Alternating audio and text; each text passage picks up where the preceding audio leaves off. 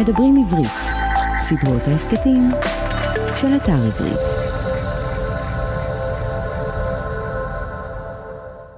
שלום, אני רפי טופז, ואתם מאזינים לסדרת ההסכתים כותבים עברית של אתר עברית. סדרה זו היא חלק ממדברים עברית, ערוץ ההסכתים של האתר. מדי פרק נפגוש סופרת או סופר, ונדבר על הרצון או הדחף לכתוב, על החיים עצמם ושלל עיסוקים אחרים.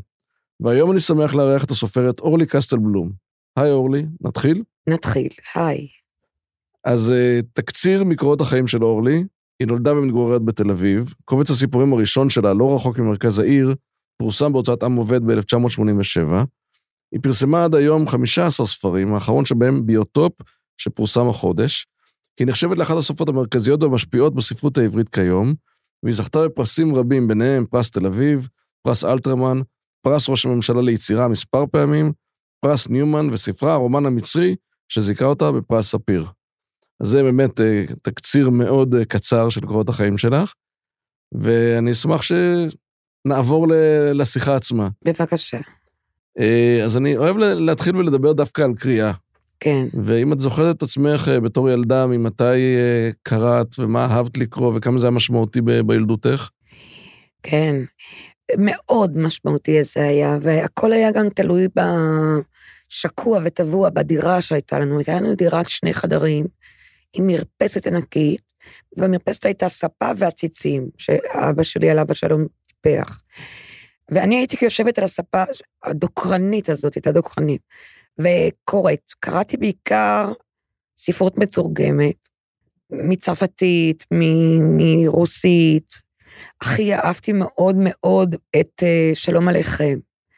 מאוד. אני אהבתי את כל, דווקא שהוריי ממצרים ואנחנו מקהיר. השטטל הזה, זה ריתק אותי. כל, וגם כמובן עגנון וזה, אבל מאוחר יותר. בנעורים זה היה שלום עליכם, וגידה מופסה, וקרמזובים, הרבה קרמזובים. אה, ניסיתי באמת לקרוא את הקלאסיקות.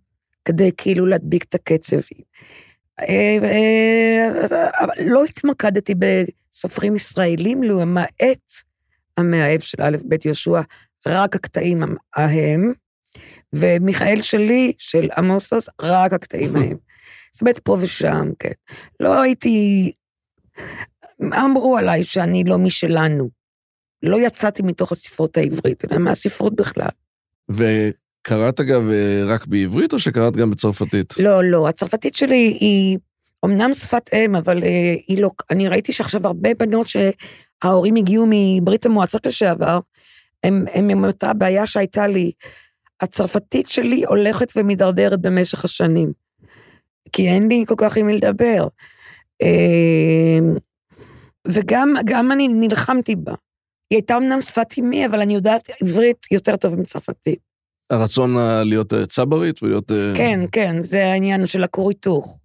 והקריאה של הספרים, באמת דווקא הספרות האירופית והדברים כן. הרחוקים יותר, ושלום עליכם, הייתה בזה איזה כמיהה ל, לרחוק ולשונה? לרחוק ולשונה, אה, ובריחה גם. אבא שלי, על אבא שלום, היה גם תולעת ספרים. אמא שלי הייתה מביאה לו כל הזמן ספרים מהספריית כלבו שלו. והוא היה, כמו שאומרים, בולע אותם, אחד אחרי השני. ויש לי גם הסבר אדיפלי, למה נהייתי בכלל סופרת. כדי למצוא חן בעיני אבא, רק כשזה קרה, נהייתי סופרת יומיים לפני שהוא מת. התחלתי לכתוב, ואת, באמת. ועם אבא שלך אבל היית מדברת, יצא לכם גם לדבר על ספרות, או שאת לא, קראת והוא קרא? לא, הוא קרא ואני קראתי. כל אחד קרא בחדרו במרחק. הוא היה קורא בעיקר, אה, כמובן, רק בצרפתית, ולא בעברית. אה, לכן גם אימא שלי הייתה קוראת אה, בצרפתית ובאנגלית, וכשהבאתי להם את הספרים בעברית, זאת אומרת, הוא נפטר, אבל כשהבאתי לאמי את הספרים בעברית, היא לא היה לה מה לעשות איתם, וגם אחר כך הבאתי, הבאתי לה, כמו שאומרים, הבאתי לה ספרים בצרפתית, מתורגמים, אז גם הייתה עם זה בעיה, כי התחילה, למה כתבת את זה, למה כתבת ככה? אני זוכרת ברומן המצרי, הבאתי את זה לאימא שלי, את הוורסיה הצרפתית של אקט סוד, קראה שלושה עמודים טלפון. איך העזתי לכתוב שהשיניים שלה לא יושרו כיאות, בעוד שאני היו לי שיניים איומות לדבריה, והיא לקחה אותי לדוקטור יערי ברחוב גורדון בתל אביב, ועשתה הכל כדי שישרו את השיניים הנוראיות שלי. אז באתי, התגנבתי בחזרה לבית שלה, לקחתי את הספר, ולקחת, גנבתי אותו בחזרה. כי אם זה מעמוד שלוש, שלא כן, רציתי לדעת מה קורה אחר תהליך כך. ארוך אם זה... כן, ובתור אה, ילדה כתבת? לא. ממש לא. לא, גם לא הייתה לי שום אה, שאיפה להיות סופרת. יש ילדים שיש להם את השאיפה לכתוב. השאיפה שלי הייתה לקרוא ולהיעזב לנפשי. אבל זה לא הסתדר, ממש. כי אתה יודע? החל מגיל 20, אחרי הצבא, אנשים רוצים שתביא קבלות, או תואר ראשון, או אני לא יודעת מה, קורס כלשהו. צריך להתחיל להביא קבלות. ואני הלכתי ללמוד קולנוע, שזה היה בניגוד אפילו ל... לא יודעת, עד היום אני לא יודעת איך הגעתי לזה. באמת, למה למה קולנוע? אומרת, כי זה לא ביולוגיה, כי זה לא רפואה, אני חושבת. שזה זה היה לחץ הבית? כן, זה מה שרצו שאני אעשה, אז עשיתי תמיד ההפך, דווקא. אז, אבל קולנוע, אני לא הייתי פריקית של קולנוע, אבל נהייתי כזאת, תוך כדי הלימודים וגם הצבא, יש לומר. זאת אומרת, כשאני מסתכלת על, למשל, גם אפילו השפעות על הכתיבה שלך, את יכולה לחשוב גם על קולנוע? כן. אני יכולה להגיד שהספר הזה מאוד הושפע בטמפרמנט שלו, ובהקרנה של הטמפרמנט הזה על, עליי, מסמוך על סול. כי בסמוך על סול, יש לך יצירת מופת, בלי קשר לזאת, אה, שדברים מתרחשים בה מאוד לאט, אבל אתה מאמין ויש, ו, ומס, ומלמדים אותך סבלנות מהי. וזה מה שלמדתי מסמוך על סול, סבלנות. אה, אגב, אני מסכים, אני גם מאוד מאוד אוהב את, אה, באמת את אה, סמוך על סול. אני חשבתי גם על איזשהו משהו מצחיק, שהטלוויזיה באיזשהו שלב נעשתה מאוד מאוד מהירה, ואז פתאום חזרה להיות איטית. כן. וחשבתי שבין היתר, בין הסיבה היחידה לזה, שגם נטפליקס לא ידעו איך להתמודד עם הבין, שאנשים רואים אה, בסדרות פתאום תוך אה, כל כך מעט זמן, שקצת האיטו את הקצב, שלפחות יהיו יותר פרקים, או שזה ייקח יותר זמן לספר את הסיפור. כן, אבל אה, אז אם אנחנו מדברים על סמוך על סול, זה מעניין אותי, נקפוץ רגע ממש קדימה, אבל כשאני מסתכל באמת על ספרות ועל טלוויזיה, הרבה אנשים אה, מבקרים ואומרים אה, שאנשים מפסיקים לקרוא ועוברים לטלוויזיה, ומה מה יהיה, מה יהיה על הספרות. איך את מסתכלת על העולמות האלה, על הדואליות הזאת בין טלוויזיה לבין ספרות? אה, הטלוויזיה זה לא האויב מספר אחד של הספרות. אה, אני לא חושבת ש... תראה, אני לקחתי בחשבון את המהפכה הדיגיטלית. אני לוקחת אותה בחשבון. אה, זאת מהפכה. זה כבר לא לפשפש אחר מילה במילון, לזכור את ה-ABC בדיוק, ואם לא, אז להתחיל אותו, לשיר אותו לעצמך. זה אחר לגמרי. פעם היו לך ספרי טלפונים, מאגר שלם של שמות, שיכולת להגיד זאת אחות של זה, זה ההורים של זה, מתאים לה שהשם שה... לפי השמות והשנים, הרי שמות זה עניין של מודה, בין השאר, חוץ מכמה שמות קלאסיים כאלה. אז אה, היה לך את הספרי טלפונים, ויכולת בדפדוף של בספר טלפונים להמציא משפחה. היום אתה צריך את המשפחה למצוא קודם אה, ולראות, אבל אה, בסדר, אז, אז הפריבילגיה הזאת איננה, יש אחרת, שהמידע המידע הוא, הוא זמין, ולכן גם אתה, כסופ, את, את, אתה כסופר, חייב, אסור לך לטעות. כן. טעות, בימינו היא חמורה פי כמה מטעות מלפני 20-30 שנה. כי לא בעיה לבדוק דברים בגוגל. וכ... ולמשל, איזה שמות היו נפוצים בצרפת בשנות ה-40 באזור נורמנדי תחתית. זה אגב, הטריד אותך עכשיו שכתבת את ביוטופ, כן. כל נושא הבדיקת אה, עובדות, זה משהו שהיית עסוקה בו? אה, עובדות שקשורות ל-D-Day, מאוד. גם עד כדי כך שאפילו אה, נסעתי לשם, אבל זה הכל התחיל הפוך. התחיל הכ- הכל בזה שנורא רציתי לנסוע לנורמנדי. אז אה, אמרתי ש... אז, ובאמת מצאו שם איזה סימפוזיון כזה, על הים. ממש שלושה מטר מהים.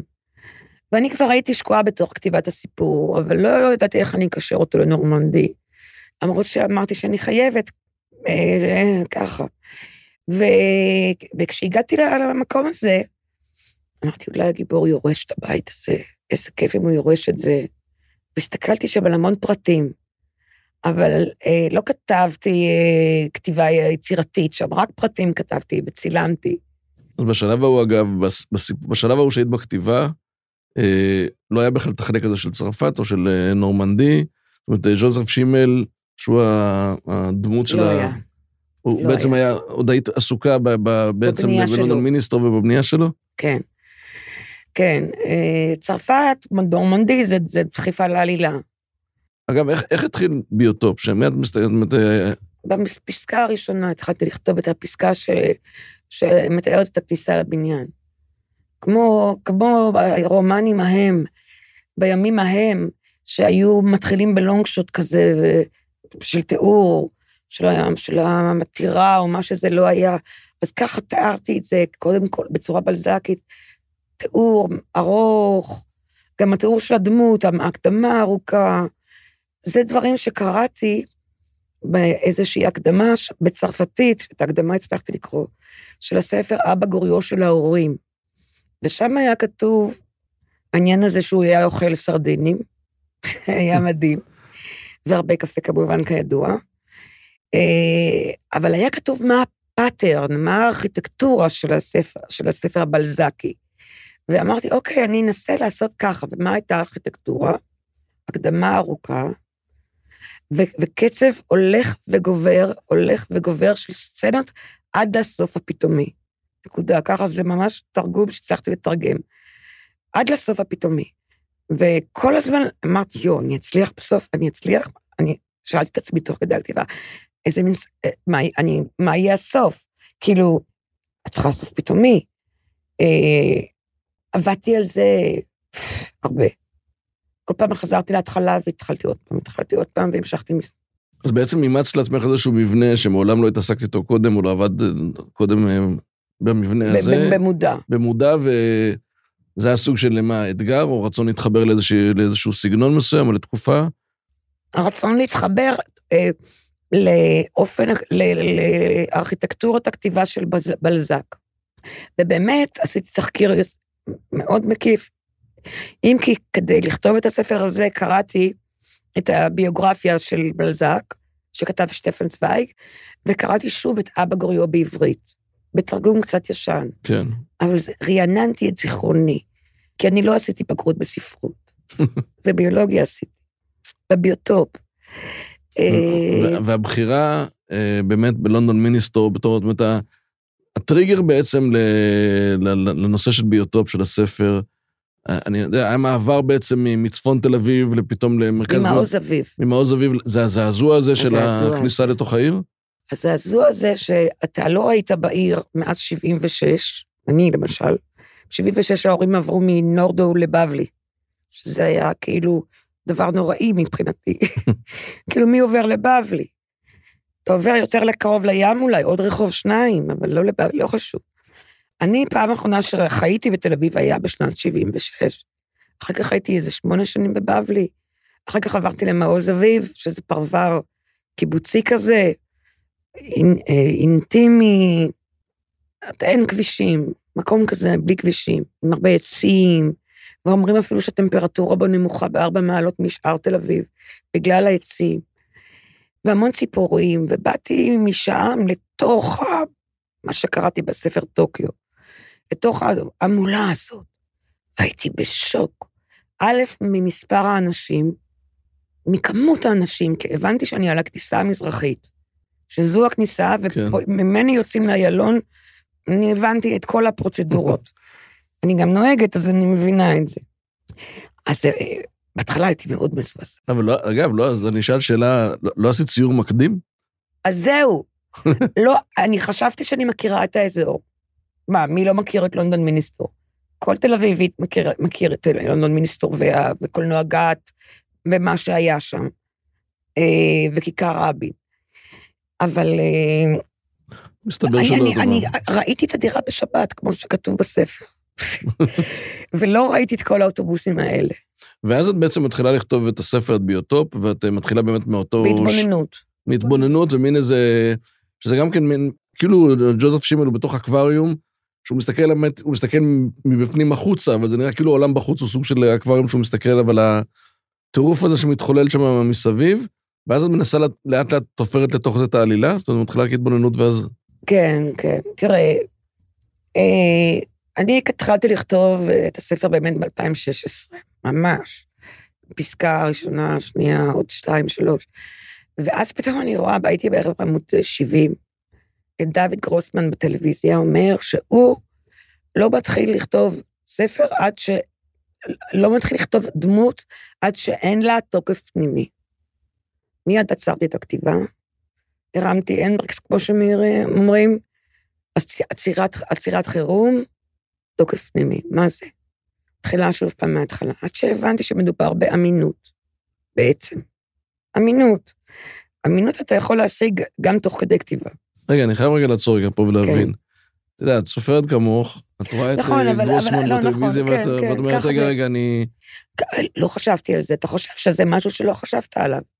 ואז אתה רוצה להפוך כל אבן ולהיות בטוח שאתה בסדר. ושנה אחרי זה ראיתי את דוד גרוסמן בכבודו בעצמו, בכיכר רבין, בשבוע הספר. אמרתי לו, אתה אמרת בטלוויזיה, צריך, הרי אף פעם אין לו זמן, בשבוע הספר יש לו ביקוש גדול. אתה אמרת בטלוויזיה שאתה לא מתחיל לכתוב דמות בלי תוקף פנימי. ואז הוא ענה לי משהו שממש, חייבים עלילה, חייבים עלילה. ואמרתי, אוקיי, אורלי, חייבים עלילה, ברור. נכון שאני לא מתחילה, אבל, אה, ושגרוסמן גדול ממני בכמה שנים, לא רבות. אבל אה, לא יודעת, אה, אתה מחפש, אתה כל הזמן, אז העבודה הזאת של כתיבה היא עבודת תחקיר אינסופית, גם של האמצעים של הכתיבה. ובאמת, כש... כשהתחלת אפילו את ביוטופ, שזה הספר החמישה עשר שלך, כשאת מתחילה לכתוב, את יודעת שיהיה ספר, שאת עדיין אומרת לעצמך, זה עדיין באמת אותו הר שאת צריכה לטפס עליו, ואת לא בטוחה שאת תטפסי ותגיעי למעלה. זה, אה, יש, יש שני סוגי כותבים. יש לך, אם אני מסע הקצנה, אלה שכותבים לך את שני משפטים של התקציר, פרמיס קוראים לזה בלימודי כן. הקולנוע. אחר כך הם כותבים סינופסיס, תקציר, אחר כך הם כותבים, אני לא יודעת מה, משהו, ואחר כך הם כותבים לך מה שכתוב בכל פרק, עד הפרק 37. הם יודעים.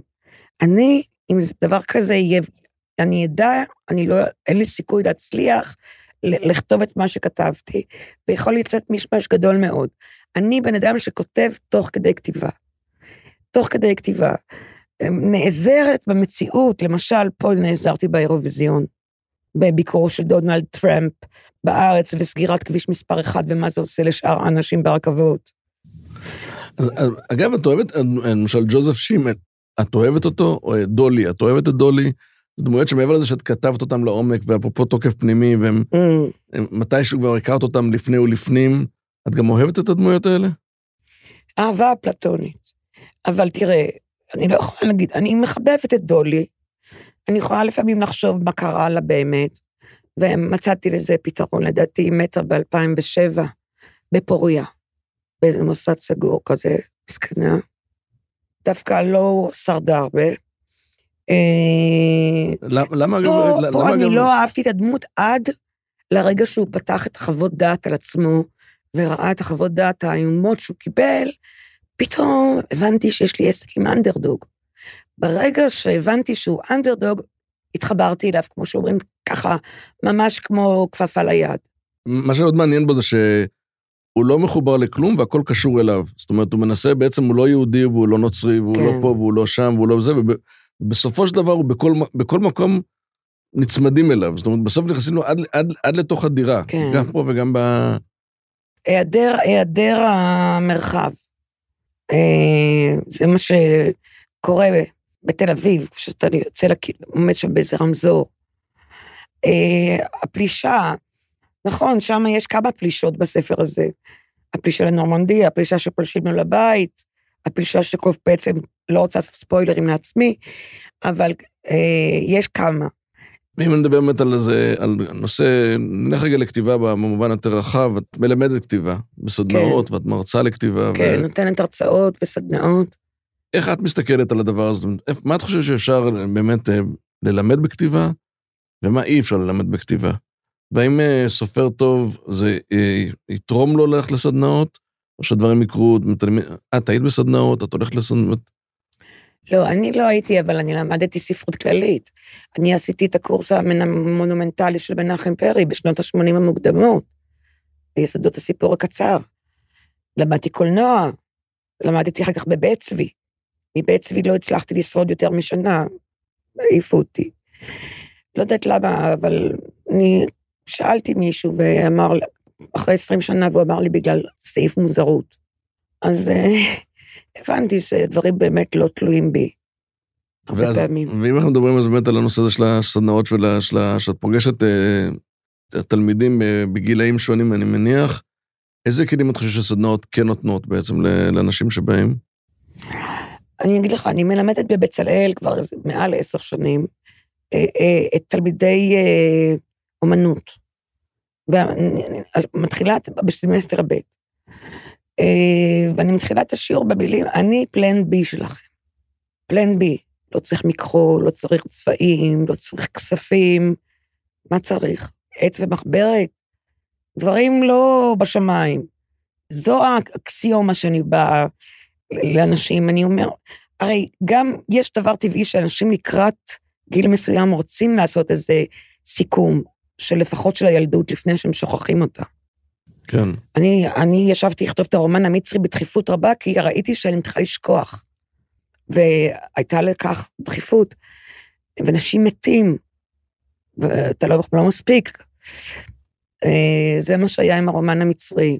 אגב, המקורות באמת, אה, המקורות לספרים ולכתיבה, זאת אומרת, הרומן המצרי הגיע מתוך איזושהי דחיפות של אה, לא לשכוח את, ה, את הילדות ואת הסיפור המשפחתי. ואת הדודים, ואת האבא, האבא שלי נפטר ב-85, לא לשכוח את החלום ושברו שלהם. החלום ושברו שלהם, הם עלו לקיבוץ. מהקיבוץ העיפו אותם אחרי שנה ושנתיים, בגלל שהם הצביעו בניגוד לדעת התנועה הקיבוצית של אז, אני יודעת, בענייני משפטי פראג, לא חשוב, וימים אחרים, שנות החמישים. עכשיו, דרך אגב, יש לי רעיון לכתוב רומן, אבל אני עוד לא יודעת איך אני אעשה את זה, צריך הרבה תחקיר. ואולי זה אפילו נדוש, על מה שהלך בישראל בשנות החמישים, המוקדמות. נראה לי שזה מערב פרוע עם קרקע מאוד פוריה לבעלי דמיון. קרו פה כנראה המון דברים, כן, אני מניח שהרבה מאוד דברים, כמו שאת מדברת על אותה משפט, אות, אותה הצבעה, כן, שהיום נראים לנו הזויים, ושם היו ברומו של עולם. ברומו שלו. אני, יכול להיות שגם יסתכלו עלינו ככה, גם אה, בראייה של אה, כמה עשרות שנים קדימה, על כל מיני החלטות שקורות פה את האנשים ובהיראו מאוד אה, טריוויאליות אולי בעתיד. לך תדע. כן. וביוטופ, אז אנחנו אמרנו שהוא הגיע באמת מתוך המעבר הזה הטראומטי מהקיבוץ של מועז. הדרמטי. דרמטי, אוקיי? זה עשה לי הזרה, הזרה. כאילו אני באתי לארץ אחרת. אמנם מדברים עברית, אבל בקצב אחר לגמרי, והכל קורה אחרת לגמרי ממה שאת רגילה. אז בעצם, ודולי סיטי הגיע מ- מתוך אה, בעצם גם מההתמודדות עם, אה, עם הורות, גם ה... דולי סיטי זה סיפור אחר לגמרי. דולי סיטי זה בעקבות אה, אפיזודה של דיכאון, ש... בגלל שאבא שלי מת בזמן שהייתי בהיריון, זה היה בלתי נסבל. זה יצר לי big, אה, big bang של עצמי. ה big, ה big bong, bang הזה הביא את הספרות. התחלתי לכתוב יומיים לפני מות אבי, אחרי שהיה ברור שהוא עומד למות. זאת אומרת, כבר ידענו כן. שזה ייקח שבועות, ופתאום זה אחרי יומיים. אז הספרות זה סוג של התמודדות בעצם. הספרות בשבילי זאת, זה החיים. זה החיים, זה לפעמים, אתה יודע, בחיים לפעמים יש ימים קשים, בואו, אני כבר בת 62 בסוף החודש, יש תקופות קשות. הייתי באה אל הספר שהיה מוצב לי ב, ב, בתוך קלסר, ורוד כזה, כמו תלמידה טובה בבית ספר, ופשוט נוגעת בקלסר הזה, והייתי אומרת, לפחות יש את זה, לפחות יש את זה. עכשיו, נכון, כותבתי תוך כדי כתיבה, ולא ידעתי באמת מה יהיה כל הזמן, לא ידעתי שאני אצליח, אבל מה שאני כן יכולה, לא יכולה, זאת אומרת, ללמד זה התמדה. התמדה אתה לא יכול ללמד. אתה יכול ללמד כל מיני טכניקות של כתיבה, מה ההבדל בין שואינג וטלינג, וציטוט ו- וסיפור, וכל מיני דברים, כל מיני עזרים, כל מיני תרגילים, אתיודים, אבל להתמיד, זה בא מהבן אדם עצמו. וה, ואת אומרת אז שבאמת הספרות היא החיים, כמו שאת מגדירה את זה, וזה סוג של התמודדות.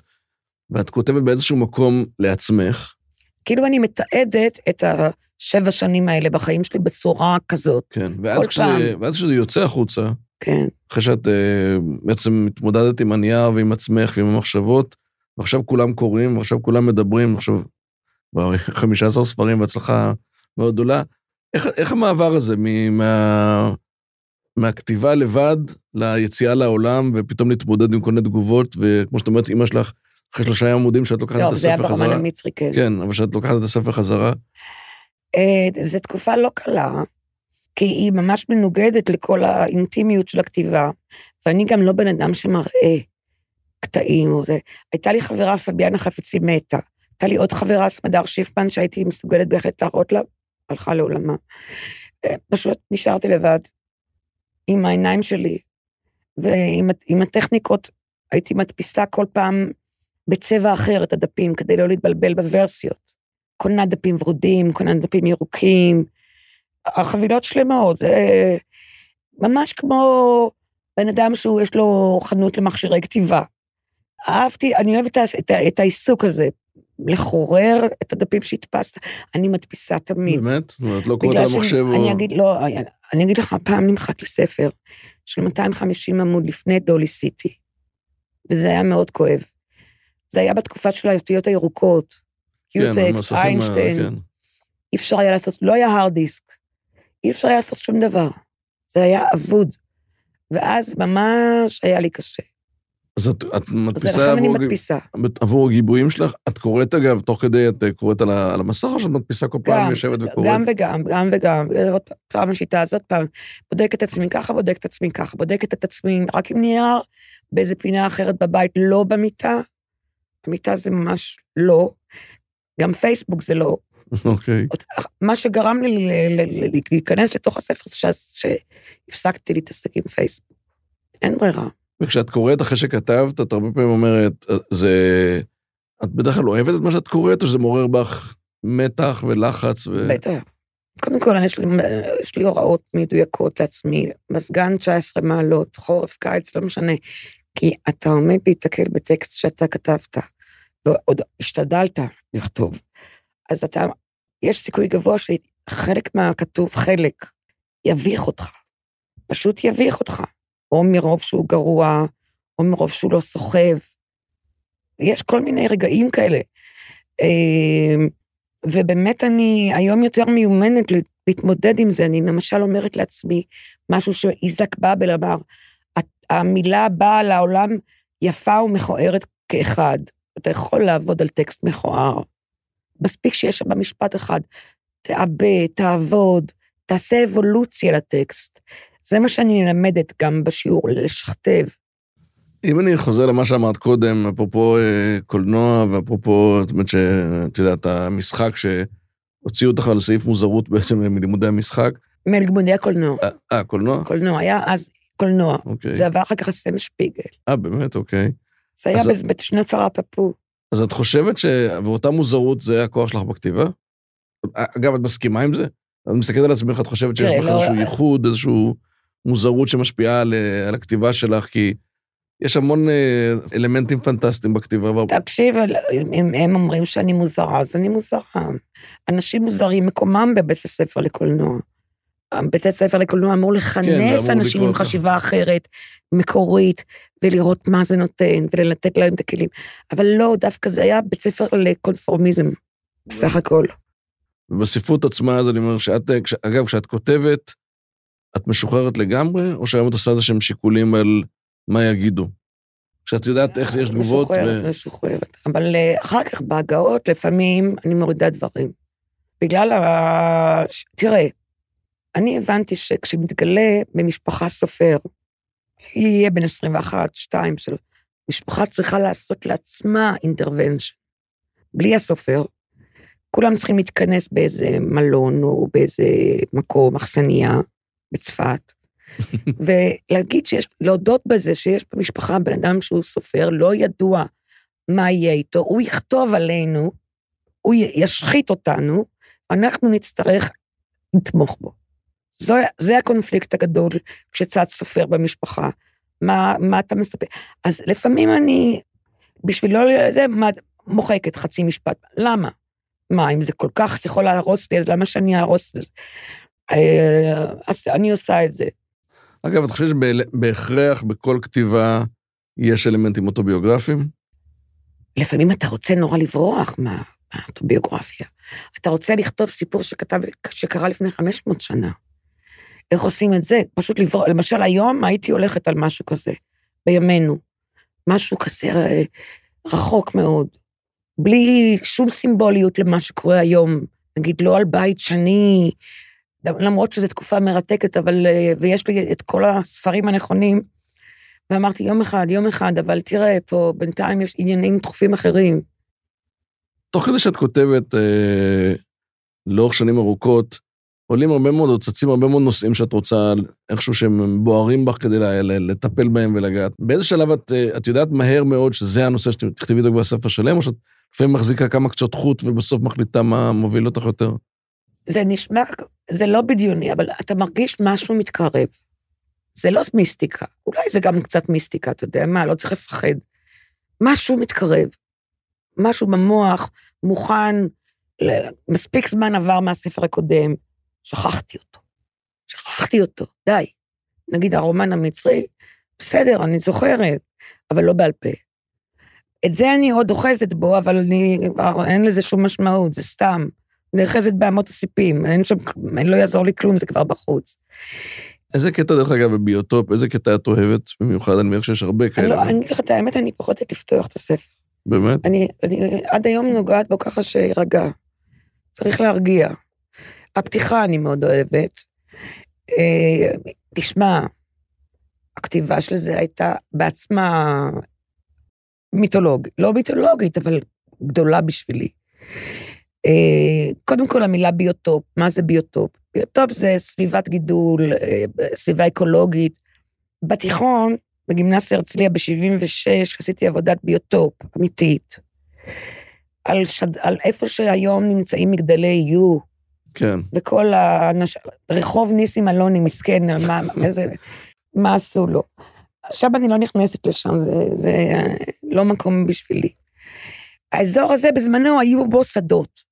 שדות, על גבי שדות עם כבשים, שנות ה-70, עם בדואים, אה, עם מלא אה, חומתים ולטאות, והיה שם מלא. עשיתי עבודת ביוטופ על האזור הזה, קיבלתי שמונה. מאוד התפלאתי, כי אני השקעתי שם את הנשמה, אבל עשיתי גם דבר שאז היה נורא מקובל, בכוונה, אז הגשתי את זה בצורה רשלנית, למה? מה? כדי להיות גזעית. אוקיי. כאילו זה בא לי ברשלנות, כל הטוב הזה. ככה, יהירות.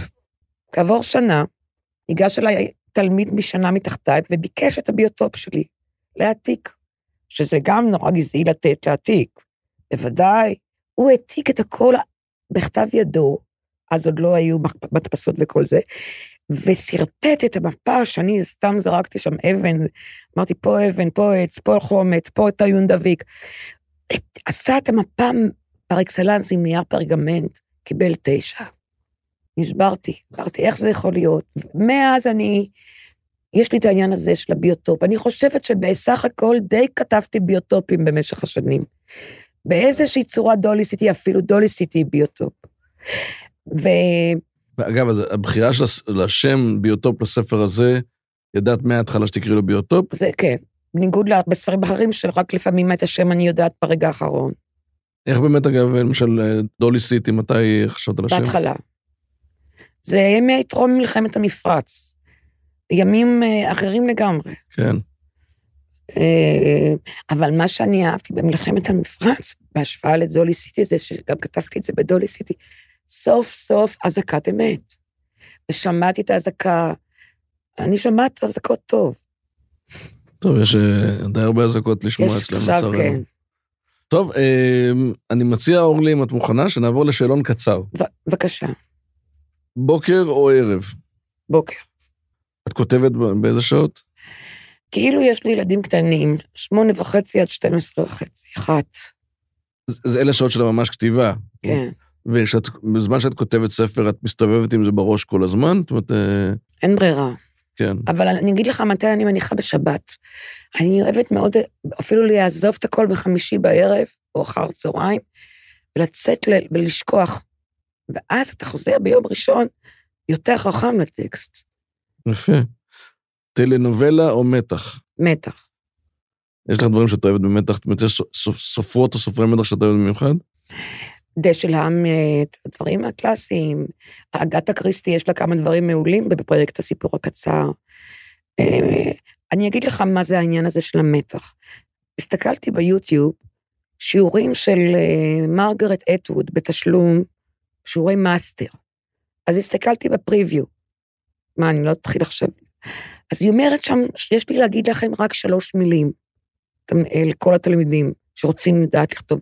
hold my attention. והכוונה היא לקורא. אבל מה שאני למדתי בכתיבת הספר הזה, דבר מאוד חשוב, שהבן אדם שיקרא את הספר שלך הכי הרבה פעמים, זה אתה. לכן כשאומרים הקורא, תקשיב. כי זה אתה שתחווה כמו קול קורא, קול, קול, קול בכף, קול קורא את הטקסט שלך. אחרי חודשיים שלא נגעת בו, הוא בא לך קצת שונה, זה מעניין להסתכל על עצמך ככותב בעצם כקורא, זה... את צריך גם לדעת לקרוא את עצמך. כן. ג'אנק פוד או גורמה? אממ, תראה, טפו צ'יפס.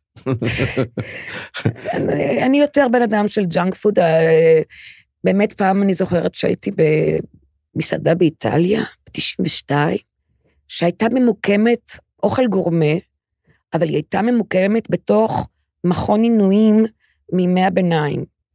והריח של הפוליטורה היה מאוד חזק באוויר, והאוכל היה גורמה. ישבנו שם עם אנשי פיאט, טורינו. זה היה משהו גורמה גורמה, אבל כל ה... אין לי, תראה, גורמה, אני לא רצה אחרי הגורמה. אוקיי. אוכל בשבילי זה בשביל לחיות. אנרגיה.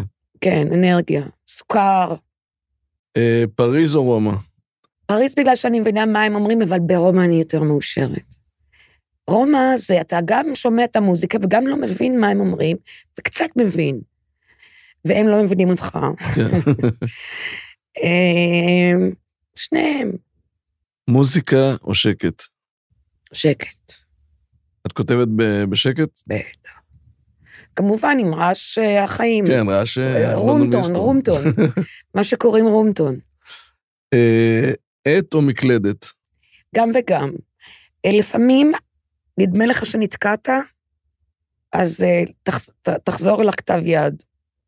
תן, לך אחורה, תעתיק את הפסקה ותמשיך אותה. תראה, באמת? אני עושה את זה. או למשל, נדמה לי שנתקעתי, ואני אומרת, נתקעתי. ואני אומרת, אולי צריך לפתוח לדיאלוג. דיאלוג אני כותבת קודם כל בכתב יד. אה, באמת? מעניין. ואז, ואחר כך אני מעבירה אותו לדפוס, ואז עוד פעם אני מוציאה ועוד פעם, אתה מבין? זה, זה מהמם. הרבה עניין סיזיפי. באיזשהו שלב אתה אומר, די. אה, קר או חם? באיזה מובן? שתייה? מה האסוציאציה? מה שתחליט? זה חום שחם בקיץ, אני לא סובלת את זה. ואני מאוד מודאגת מתחממות כדור הארץ. התשובה היא קר כנראה. קר, אבל לא מינוס 37, כמו שהיה לי בבוסטון, אלוהים ישמור. אה, מטרה או דרך? גם וגם. חדורת מטרה, כן, את אוהבת חדורה- את הדרך. את חדורת מטרה? כשאני כותבת, המטרה היא לכתוב ספר. מטרה אמורפית, אבל, כן. אבל אני עובדת על זה, עד שזה מצליח. למשל, היו, מקר... היו ימים בזמן כתיבת הספר הזה, שאתה אמרתי, מה, מה, אתה מרגיש כמו בן אדם באתר בנייה. רק אתה מבין, אולי, כן. לא בטוח, מה הולך שם. תעלה את הקיר הזה, תוריד אותו. אתה, אם היו באמת אנשים מעורבים בזה, היו הרבה סכסוכים. ואגב, באמת בתקופה שספר שלוקח לך לכתוב אותו זמן ארוך יותר, את מוטרדת תוך כדי? את, את בלחץ, זה, זה יקרה, זה לא יקרה, מתי זה יקרה? או שאת אומרת, זה יקרה. זאת אומרת, אה, אה, אני כן בלחץ.